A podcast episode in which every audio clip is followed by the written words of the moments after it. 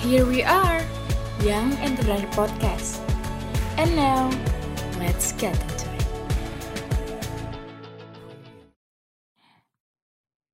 Baik teman-teman semua, sekarang Via sudah ditemani oleh Mbak Anissa Amelia Tamimi atau teman-teman bisa manggil dengan Teh Anissa. Kang Jo sehat ya Teh? Alhamdulillah. Adik-adik sehat? Alhamdulillah. Alhamdulillah.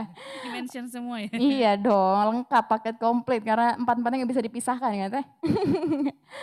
Oke, seperti yang sudah Via mention sebelumnya, Teh Anissa ini merupakan CEO dari Tekstur. Dan barangkali teman-teman di sini ada yang belum atau masih asing nih sama Tekstur Teh. Kalau dari Via mungkin bisa mention sedikit bahwa Tekstur ini merupakan salah satu perusahaan lokal uh, yang memproduksi sepatu kulit ya teh ya tentunya dengan style yang bermacam-macam dan otentik betul teh? Oke. Okay. Oh, suara saya kecil katanya tuh. Ya. Oh oke, okay. suara dari teh Anissa boleh dibantu untuk Iya, mic-nya mungkin dinaikkan dinaikkan lagi. sedikit kali ya. Oke. Okay. Terima kasih untuk teman-teman yang sudah memberikan respon terhadap suara Teh Anissa ya ini perbaikan juga agar acara ini dapat berlangsung dengan baik.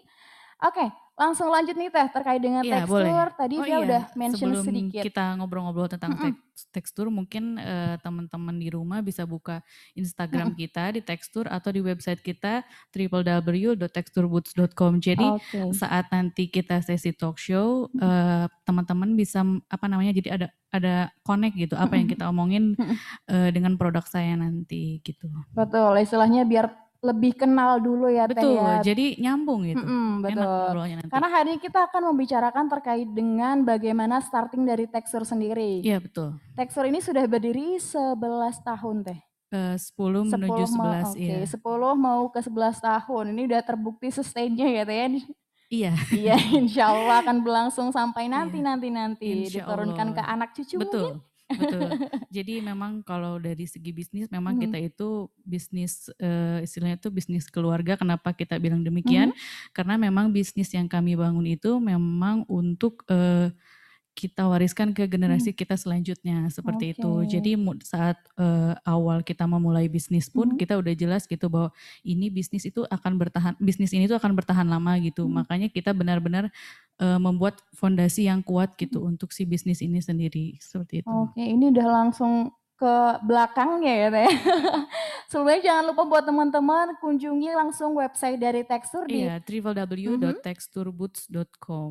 Oke, ini kalau Via ngomongin tentang websitenya juga langsung membuat Via jatuh cinta. Ini nggak peres teh, ini benar-benar jujur karena amat sangat menjual. Dibilang menjual, menjual banget teh. Betul, karena dari, begini Mbak Via, mm -hmm. kalau kita berbicara website Tekstur, website Tekstur itu adalah uh, wajah kami gitu, hmm, di mana dia itu representasi toko dan citra kami gitu. Hmm. Jadi kita membuat uh, website itu benar-benar uh, seperti identitas kami yang kami bangun gitu.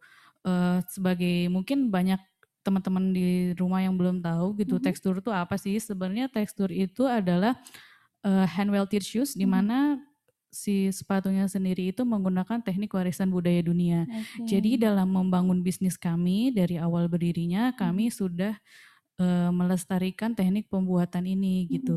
Jadi uh, dari saat kita itu gimana ya istilahnya itu kita tuh uh, me mengeluarkan sisi kemanusiaan hmm. seseorang hmm. untuk menghasilkan sebuah karya terbaik melalui sepatunya Oke, seperti langsung itu. dari pengrajin ya, ya? Betul. Ya? Jadi pengrajinnya sendiri pun kita uh, bina dari awal gitu. Hmm. Dari memang uh, dia tidak memiliki basic skill hmm. sampai akhirnya dia bisa menguasai teknik pembuatan sepatu warisan budaya dunia tersebut. Oke, ini belum dibuka dengan pertanyaan satu pun, tapi udah langsung banyak banget informasi yang didapat ya. Iya, informasi awal mungkin ya, jadi uh. Uh, sebagai uh, pengetahuan awal teman-teman uh tentang sepatu kami. Oke, ini juga dari fasilitator atau panitia sudah menampilkan website dari www.texturboots.com.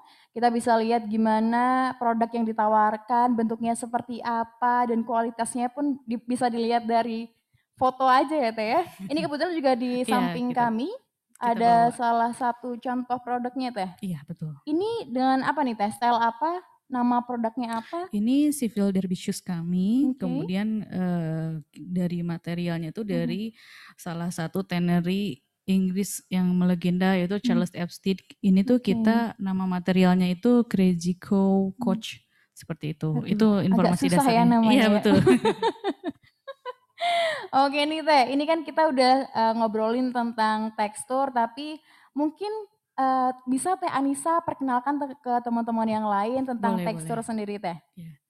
Jadi kalau kita berbicara tekstur, mm-hmm. teks kenapa sih namanya tekstur? Betul. Mungkin kita dari basic ya. Mm-hmm. Tekstur itu text for the future. Okay. Di mana sepatu yang kami buat itu mm-hmm. memang kami ciptakan untuk menjadi pembawa pesan mm-hmm. ke generasi selanjutnya. Jadi hmm. sepatu yang kami buat itu memiliki durability yang sangat baik okay. di atas lima tahun tentu oh, saja. Okay. Jadi sepatu yang uh, yang kita itu sangat sustain banget. Hmm. Jadi saat dia misalkan ada salah satu uh, komponen yang lepas, hmm. jadi bisa diperbaiki dan dibuat ulang lagi okay. sehingga bisa diwariskan ke anak cucu kita. Hmm. Kemudian si sepatu tekstur juga hmm. uh, kita ciptakan untuk menjadi uh, apa namanya itu ya catatan perjalanan seseorang okay. ya di mana kan setiap uh, sepatu itu kan sebagai penopang kaki hmm. gitu ke mana dia melangkah itu kan beda-beda hmm. gitu. Jadi itu tuh menjadi salah satu bukti perjalanan juga gitu. Bukti nyata dari perjalanan seseorang nih buat teman-teman yang pengen mengukir sejarah hidup ya. Dengan sepatu tekstur ini bisa ya teh ya? Iya, betul. Jadi memang dari namanya sendiri kita hmm. sudah ada filosofi sampai semua produknya pun demikian gitu. Oke terus juga pernah tahu pernah dengar dari Teh Anissa langsung betul. kalau tekstur ini tuh terkait uh, dari artinya sendiri uh, tekstur itu kan bermakna kerapatan antara kerapatan antar dua komponen. Okay. Kalau misalnya secara harfiah ya, tekstur mm -hmm. itu kan diartikan itu kerapatan antar dua komponen. Mm. Nah, dua komponen yang kita artikan itu craftsmanship dan material mm. gitu. Okay. Jadi kita memadukan antara craftsmanshipnya dan materialnya mm. seperti itu. Oke, okay. itu kalau menurut Teh Anissa sendiri apa sih pentingnya filosofi dari sebuah brand kayak gini Teh? Sebetulnya mungkin kalau menurut kami itu sangat hmm. penting. Kenapa? Hmm. Karena akan jelas gitu Mbak, hmm. ke depannya itu brand kita itu ingin menjadi seperti apa. Hmm. Tapi kalau saat kita memulai bisnis, mungkin uh, alangkah lebih baiknya si filosofi itu juga bisa ditemukan saat kita hmm. melakukan perjalanan bisnis okay. tersebut gitu. Jadi jangan kalau mau memulai bisnis jangan uh, menjadi alasan tidak menemukan filosofi hmm. yang tepat gitu. Betul betul. Mungkin dari teman-teman di sini juga ada yang mengedepankan kualitas, terus betul. pengen nyari filosofi yang terbaik. Cuman betul. nggak oh, ada salahnya, nggak hmm. ada salahnya. Betul. Hmm. Memang kalau semua sudah dipersiapkan akan uh, di awal dengan lebih baik mm-hmm. kan uh, akan menjadi lebih baik juga hasil mm-hmm. ke depannya. Cuman kan itu bukan menjadi suatu hambatan hmm. gitu, gitu bisa sambil berjalan gitu karena hmm. uh, apa bisnis itu sama dengan proses kita belajar juga hmm, gitu Kayak bisa berhenti cukup belajar di sini terus langsung start terus berhenti belajarnya betul, gitu ya, ya karena kan saat memulai bisnis itu semua sangat rumit gitu hmm. bukan hanya tentang filosofi yang baik gitu hmm. tapi bagaimana tentang proses kita uh, branding secara keseluruhannya mm-hmm. Istilahnya tuh kayak menyampaikan uh, produk kita tuh mengkomunikasikannya seperti mm-hmm. apa, visualnya seperti apa mm-hmm. dan lain sebagainya. Jadi alangkah lebih baiknya sih kalau teman-teman semua ingin memulai usaha tuh mm-hmm. enaknya tuh sambil jalan gitu sambil semuanya jalan. gitu. Jadi kita belajar terus gitu. Mm-hmm. Sambil jalan nggak pernah berhenti belajar untuk filosofi mengikuti perjalanan tadi ya Teh. Ya? Betul, betul. Oke Teh, ini tadi sudah dimention kalau tekstur ini sudah berdiri semenjak sejak 10 tahun yang lalu, bahkan mau ke 11 tahun nih Teh. Kalau untuk backgroundnya sendiri Teh, mungkin dulu tuh uh, Teh Anissa membuat tekstur ini ketika lagi nggak ada duit kah untuk bertahan hidup atau gimana nih Teh? Boleh di-share Teh? Sebenarnya tidak seironi itu no, mungkin ya.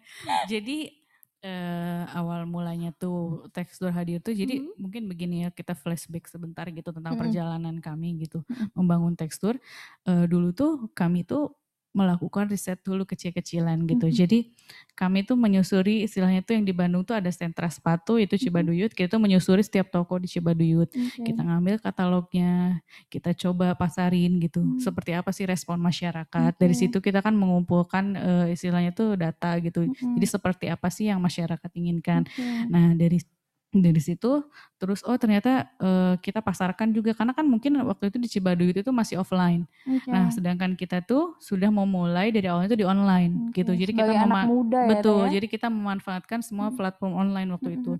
Seperti waktu itu kan masih Facebook gitu okay. kayak gitu. Terus uh, setelah itu setelah uh, berjalan, nah kita berani ini itu kan belum pakai modal ya jadi hmm. kita itu istilahnya ngambil-ngambil katalog dulu hmm. kita coba jualin online oh, sekalian oh ternyata, riset tadi iya ya, betul sekalian riset karena kan uh, data itu penting jadi betul. biar biar tidak uh, terjadi uh, banyak kesalahan hmm. gitu saat kita akan meluncurkan produk kita nanti ke depannya hmm. kemudian uh, saat sedang berjalannya waktu uh, kita uh, ada nih di oh udah cukup nih datanya hmm. lumayan gitu. Hmm. Kita itu uh, bermodalkan ratus ribu rupiah kalau nggak salah puluh ribu rupiah. Kita itu belanja di sana itu untuk sampel gitu. Okay. Jadi dari awal tekstur berdiri itu memang sistemnya itu udah uh, by order. Oke. Okay. Jadi MTO. jadi uh, kita itu bukan orang yang memiliki uh, keuangan yang cukup besar untuk memulai tekstur karena tekstur kan memang dari materialnya sendiri kan uh, semuanya ya. leather hmm. jadi kan uh, lumayan sekali hmm. gitu jadi kita uh, bukan menjadi hambatan gitu untuk masalah uang gitu karena kan masih kuliah juga hmm. jadi uh, ya udah kita coba bikin sampel hmm. semuanya by order terus kita pasarkan secara online. Hmm. Kenapa kita memilih online pada saat itu karena memang untuk menjangkau uh, berbagai customer di berbagai daerah gitu seperti Betul. itu. Oh, gitu dari awal mulanya. awal mulanya ketika ya Teh Anissa lagi kuliah terus dimulai dari katalog ya, bahkan nggak ada modalnya ya, betul, ya Teh ya. ya. Kemudian 200 ribu itu hanya untuk sampel. Nah itu Betul. sampelnya itu maksudnya uh, jadi gimana teh? Uh, sampel produk. Jadi kita okay. bikin sampel produk gitu. Jadi hmm. dari hasil data riset kita tadi kita hmm. membuat uh, sampel produk yang hmm. uh, akan kita luncurkan sebagai produk tekstur seperti itu. Oke. Okay. Dan awalnya hanya berangkat dari sosial media berupa Facebook aja teh? Uh, Facebook sama dulu itu Kaskus ya. Oh, oh iya Kaskus. Okay. toko bagus Kaskus. Hmm. Gitu. Uh, Via pikir malah udah langsung ke website gitu teh? Uh, website dari awal kita udah, hmm. maksudnya dari awal kita udah aware dan kita mulai membangun, hmm. uh, cuman belum seefektif uh, saat ya? ini gitu hmm, untuk website betul, waktu dulu gitu. Jadi masih uh, karena kan butuh proses untuk awareness ke masyarakat hmm. tentang produk kami. Hmm. Jadi kami memanfaatkan seperti Facebook hmm. gitu, toko apa toko bagus atau kaskus seperti itu. Oke, berarti lebih ke publish dulu ya. Kalau ada nih tekstur mm. nih sepatu dari kulit bla bla bla. Yeah. Dan untuk websitenya yeah. sendiri kan kalau sekarang udah ibarat identitas ya teh ya. Betul betul. Jadi ya mm. semakin berkembang semakin uh, lebih paham, leb, uh, lebih memahami mana sih sekiranya yang harus dipertahankan, mana sih yang harus difokuskan. Dan yeah, sekarang betul. website lebih berjalan dibandingkan sebelumnya gitu ya Teh ya? Se uh, bukan sebelumnya sih okay. dibandingkan awal mula pas pembuatannya gitu. Oke, okay. sekali lagi buat teman-teman sebelum kita berlanjut ke pertanyaan dan juga obrolan-obrolan selanjutnya, kalau dari teman-teman ingin menanyakan terkait suatu hal langsung kepada Teh Anissa, langsung disampaikan lewat room chat dan nanti apabila sudah kami persilakan untuk menyampaikan pertanyaannya, silakan langsung uh, unmute video uh, audionya dan langsung menyampaikan apa yang ditanyakan gitu ya teman-teman ya. Sebelumnya aku pengen nyapa Mas Robi nih Teh. Mas, Mas Robi, halo, gimana kabarnya Mas? Uh, Ini alumni ya virtual nih Teh. Halo Mas Robi, salam kenal. Halo Mbak, kita pernah ketemu juga. Mas Robi gimana? Istri, sehat? Oh ada kok tanya istri, tanya saya aja. ini barusan nikah deh, jadi semakin terlihat bahagia ya Mas Robi ini. Selamat atas pernikahannya. Oke Mas Robi. Semoga ya. ilmunya dapat ya Mas Robi ya. Amin, amin, amin. Dan dimanfaatkan, dipentolin nanti ya Mas. Siap. Amin, semoga bisa ya. Baik, terima kasih Mas Robi. Langsung kita lanjutkan ke ya. pertanyaan dan obrolan kita selanjutnya Atau, nih Teh. Mungkin saya lanjutkan, mm -mm. boleh? Boleh dong Teh. Jadi uh, setelah kita berjalan tekstur, mm -hmm. uh, kita itu membutuhkan positioning juga okay. gitu. Dalam proses branding kan ada istilahnya positioning gitu. Mm -hmm. Dalam proses positioning kita itu, kita itu menggait uh, salah satu uh, department store. Mm-hmm. Jadi pro, ya kita kerjasama untuk mendisplay produk kita di sana dan menjual okay. produk kita di sana. Mm-hmm. Produk kami itu dipasarkan di Pacific Place, okay. uh, Pondok Indah Mall, mm-hmm. sama Plaza Indonesia gitu. Jadi di situ memang kami mempositioningkan brand kami itu bahwa uh, sepatu yang premium seperti Betul. itu. Makanya kalau saat kita ingin membangun brand itu harus jelas juga positioning mm -hmm. kita itu mau di mana gitu. Jadi Betul. saat uh, melakukan proses uh, pembentukan brandnya itu mm -hmm. kita itu udah jelas gitu langkah apa yang bisa kita lakukan Dan siapa saja yang itu. mau dituju gitu ya Betul, Tadi uh, dilihat dari mall yang dituju pun itu juga mall dengan kelas-kelas premium ya Teh. Ya. Karena itu memang proses mm. uh, positioning kami gitu mm. untuk menggait customer baru yang ada di Jakarta mm. seperti itu. Oke Teh, kalau untuk teknisnya kalau dari Via sendiri jujur belum paham nih Teh kok bisa akhirnya uh, masuk ke mall seperti Plaza Indonesia itu gimana teh ceritanya? Boleh teh ceritain? Jadi awal mulanya hmm. kenapa kita bisa masuk ke mall-mall tersebut mm-hmm. yang istilahnya nomor satu lah di Indonesia mm-hmm. gitu karena kita tuh mengikuti uh, istilahnya itu event-event yang diadakan mereka gitu mm-hmm. jadi waktu itu kita memang mengikuti pameran-pameran mm-hmm. uh, yang memang mereka yang menyelenggarakannya mm-hmm. jadi mereka notice oh ada brand kita nih jadi kita mm, ditawarkan seperti okay. itu Just, justru bukan kita yang ngejar tapi malah ini kita yang ditawarkan iya tapi maksudnya caranya tuh kita juga memang mengikuti mm-hmm. pameran-pameran mm-hmm. yang mereka adakan juga jadi kita masuk ke uh, apa namanya target market kita seperti itu. Oke, okay. Via tadi ngomongnya nyebutinnya kita ya kayak saya tuh bagian dari tekstur aja. Nggak apa-apa Mbak. Oke itu dari cerita Teh Anissa terkait gimana kok bisa masuk ke Plaza Indonesia dan juga dua mall besar lainnya ya Teh yeah. ya. Ini buat teman-teman kalau ada pameran apa pun atau program apa pun yang berkaitan dengan publicity atau publisitas, langsung aja jangan lupa ikutin karena ini juga akan bermanfaat untuk awareness dari produk dan juga brand kita ya teh ya. Betul sekali. Oke, kalau ini teh terkait dengan kita Oke, halo, ada yang ingin berbicara? Oke, mungkin salah pencet kali ya. Oke, ini enaknya sambil nanya kali ya, sambil tanya jawab sama teman-teman. Iya, Kak. Boleh biar nggak sepi ya, Teh ya. Hmm, ini di sini biar ada Biar ngantuk dengerin kita iya. ngobrol. iya, benar-benar. Oke, untuk teman-teman yang ingin langsung menyatakan pernyat eh pernyataannya, pertanyaannya boleh raise hand. Ada fitur raise hand. Oh, oke. Okay. Di sini ada Teh Karyani. Halo, Teh. Iya, Kak. Karyani. Hmm? Iya, mau tanya langsung nggak? Okay. Boleh. Mau kalau mau bangun strategi itu berapa lama kak? Bangun strategi branding itu berapa lama kak? Kira-kira kak? Oke, terima kasih untuk terima pertanyaannya kasih. kak. Silakan Teh Anissa mau ditampung dulu atau mau ada yang pertanyaan yang lain gak yang mhm. mirip-mirip mm -hmm. soal branding biar sekaligus dijawabnya? Oke, pertanyaan yang mirip. Oh, ini Mas Sandi Prasetya mau bertanya, Mas? Atau cuman tunjuk tangan doang? Enggak ya, belum ya, Mas. Ya mungkin nanti. Untuk teman-teman yang lain, ada yang langsung ingin bertanya dengan Teh Anissa? Sekaligus penjawab pertanyaan dari Teh Karyan ini. Oke, sepertinya. Oke, kita jawab aja ya. Mm -mm, silakan Teh.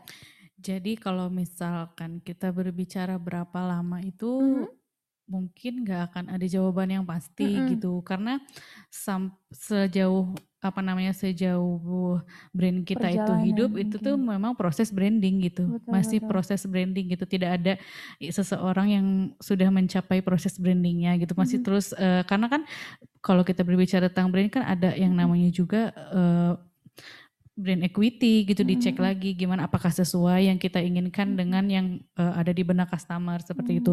Jadi untuk kalau pengalaman saya dalam membangun tekstur hmm. sendiri ya saya sampai sekarang hampir mau 11 tahun masih masih, masih proses hmm. untuk branding gitu. Adapun strategi-strateginya itu uh, harus sabar sih kalau branding ya beda gitu. Jadi branding itu apalagi kalau misalkan produknya seperti saya gitu karena kan uh, produk yang memang tidak umum gitu. Hmm. Jadi prosesnya pun akan sangat panjang gitu hmm. seperti itu. Jadi yang pen, intinya sih yang penting uh, tetap fokus sama jadi saat kita membangun brand awal itu kita tuh harus hmm. udah tentuin gitu brand kita tuh akan menjadi seperti apa dan kita hmm. tuh harus tetap fokus aja gitu mencapai uh, istilahnya tuh uh, brand yang kita inginkan hmm. seperti apa gitu. Jadi untuk pasti tahunnya sih saya juga masih sama sampai sekarang masih juga masih branding. proses ya, ya. ya. Karena emang kalau membicarakan branding itu kan jangka panjang ya Teh ya, beda betul, dengan selling betul. dan juga ya semacamnya. Uh, berbanding terbalik gitu. Hmm. Jadi kalau selling kan untuk uh, menjual produk kalau hmm. misalkan uh, kalau branding kan untuk menarik customer gitu untuk mendapatkan customer baru gitu. Untuk membentuk pasar juga kan mungkin? Atau hmm. beda lagi nih? Kalau pasar kayak marketing ya. Lebih ke marketing ya. oke kalau untuk teman-teman yang masih bingung antara branding marketing dan lain sebagainya mungkin kita bakal buka kelas lain ya tes lain ya. Siap. Waktu itu kita sempat bahas branding kan. Iya panjang juga. Ini buat teman-teman mungkin yang sebelumnya belum sempat bergabung uh, hari ini adalah kesempatan teman-teman untuk menanyakan langsung ke Teknisa karena sebelumnya Teknisa juga pernah diundang oleh kami dalam program lain waktu itu ada Bubi ya Teh ya dan Teh Anissa juga membicarakan panjang terkait branding dari tekstur sendiri. Oke, Kak Karyani, apakah sudah terjawab dengan baik atau mungkin ada yang pengen didiskusikan lagi nih Kak? Sudah Kak, sudah cukup. Terima kasih banyak Kak. Terima yeah. kasih banyak Kak Karyani. Untuk teman-teman yang yeah. lain menanyakan satu atau dua hal kepada Teh Anissa, nyesel banget kalau misal teman-teman tidak memanfaatkan momen ini karena ini langsung sama CEO dari Tekstur loh. Saya jarang tampil ya nanti. Oke, mungkin teman-teman yang lain masih pengen lebih tahu jauh nih tentang tekstur dan juga perjalanannya teh. Kita lanjutkan dengan uh, apa ya, Dad? Di sini Via banyak banget pertanyaan sih teh terkait dengan gimana kok dari 200 250 tadi akhirnya dengan sistem uh, eh, PO ya teh ya dan memanfaatkan beberapa sosial media, Facebook, Kaskus dan lain sebagainya hingga akhirnya bisa sekarang. Ada nggak sih momen dari tekstur sendiri yang oh yang paling efektif gitu menurut Teh Anissa dan juga tim? Efektif gimana Mbak? Uh, kan pasti ada perjalanan panjang nih Teh. Terus efektif, akhirnya ada momen efektif sistem apanya gitu. Efektif apanya? Apa ya ngomongnya ya aku jadi. Uh, lebih ke marketingnya Teh. Marketingnya, mm -hmm. oke. Okay.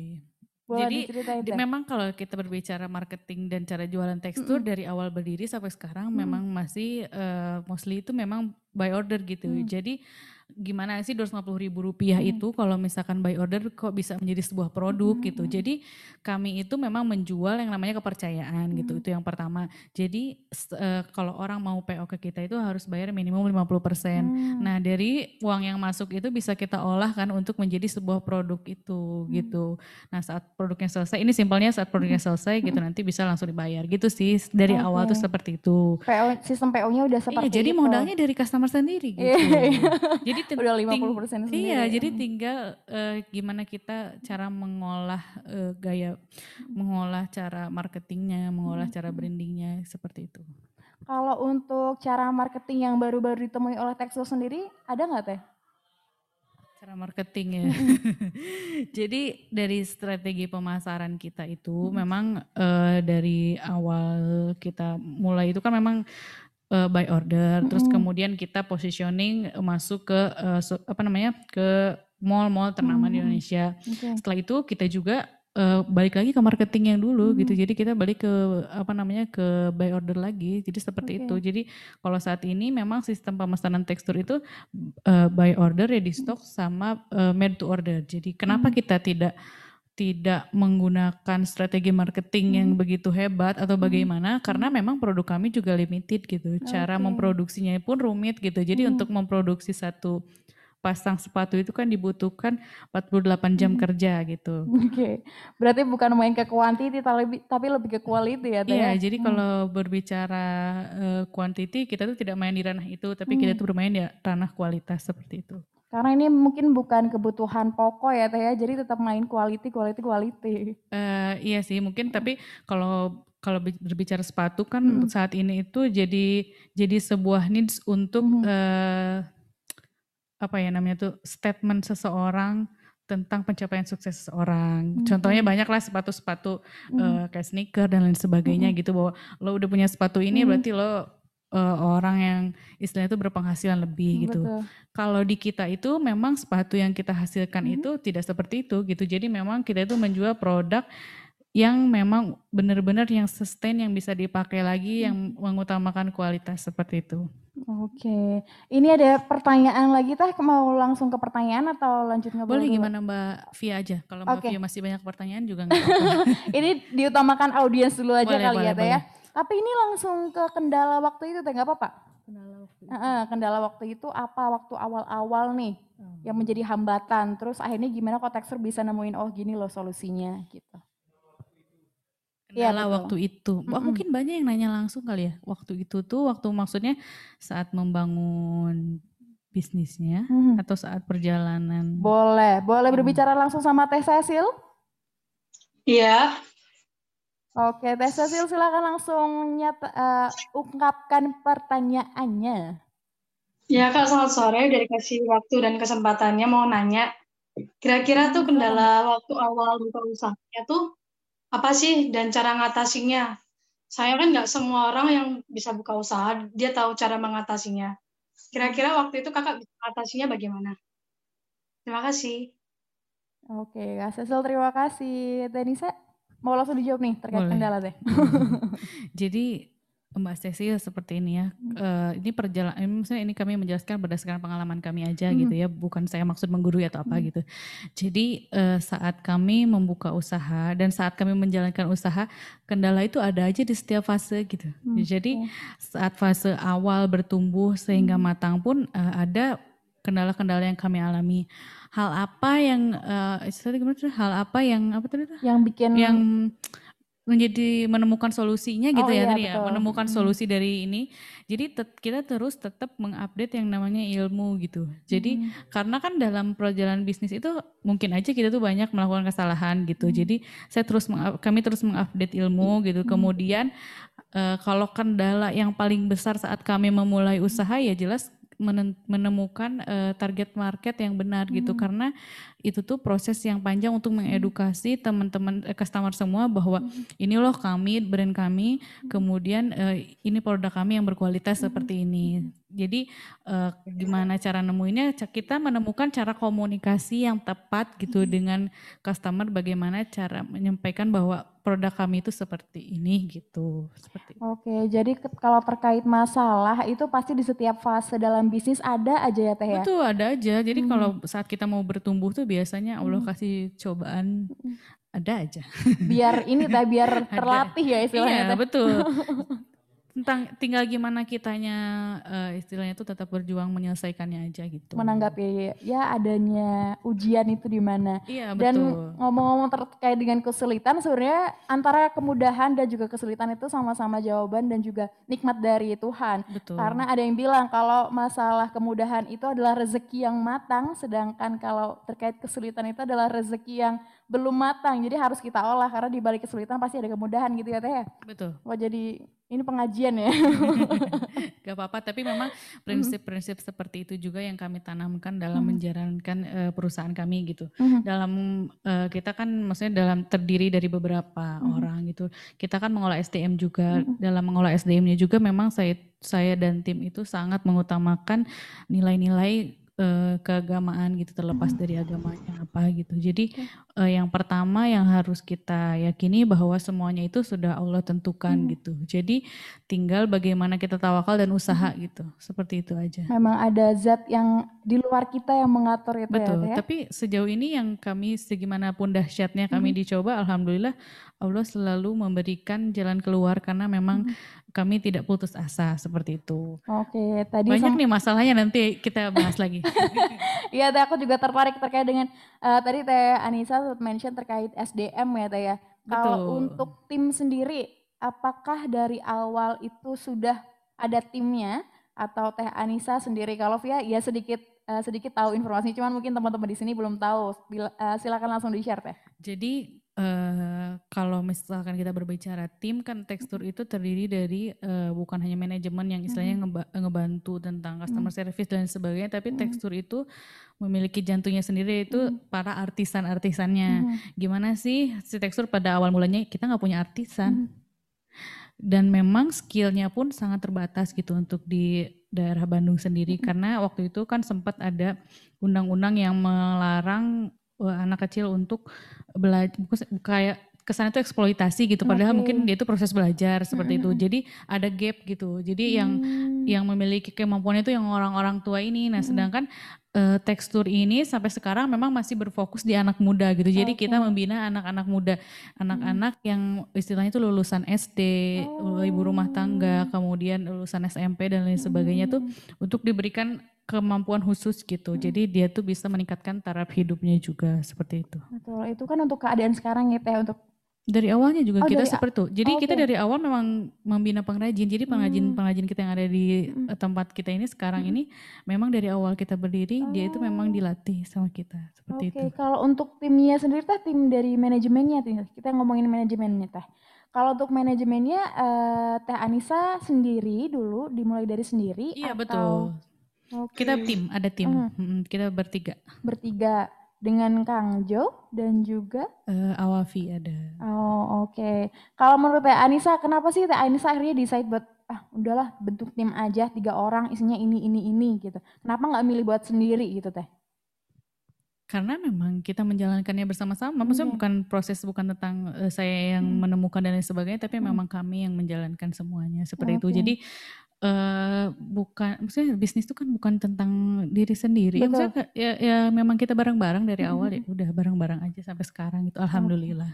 Itu kan untuk beberapa orang juga mungkin Teh ada yang uh, lebih suka buat sendiri gitu. Itu gimana Teh kalau pandangan dari Teh Anissa? Itu sih setiap orang kan beda-beda sebenarnya, tapi kalau kami tuh lebih nyaman memang uh, ber, apa membuat tim gitu, tim kami yang saat ini gitu. Jadi kita bisa berbagi berbagi istilahnya tuh berbagi uh, pengetahuan-pengetahuan yang baru hmm. gitu. Jadi memang nggak dihandle semuanya sendiri hmm. gitu. Pusing. Jadi, dari awalnya uh, tekstur dibentuk pun hasil dari brainstorming tiga orang tadi teh. Betul. Oke, itu terkait dengan tekstur nih. Tapi kembali lagi buat teman-teman mungkin dari teman-teman ada yang prefer atau lebih suka untuk menjalankan bisnis sendiri juga nggak masalah. Itu bukan sesuatu hal yang salah. Tapi kalau memang sekiranya merupakan pribadi yang oh aku harus butuh tim nih buat saling nge-backup, saling mengingatkan, saling bertukar pikiran ya silakan. Tapi sebelum itu bolehlah Teh Anissa uh, memberikan closing statement tentang bagaimana mengawali bisnis untuk teman-teman yang sudah bergabung dalam kelas hari ini Teh. Silakan Teh.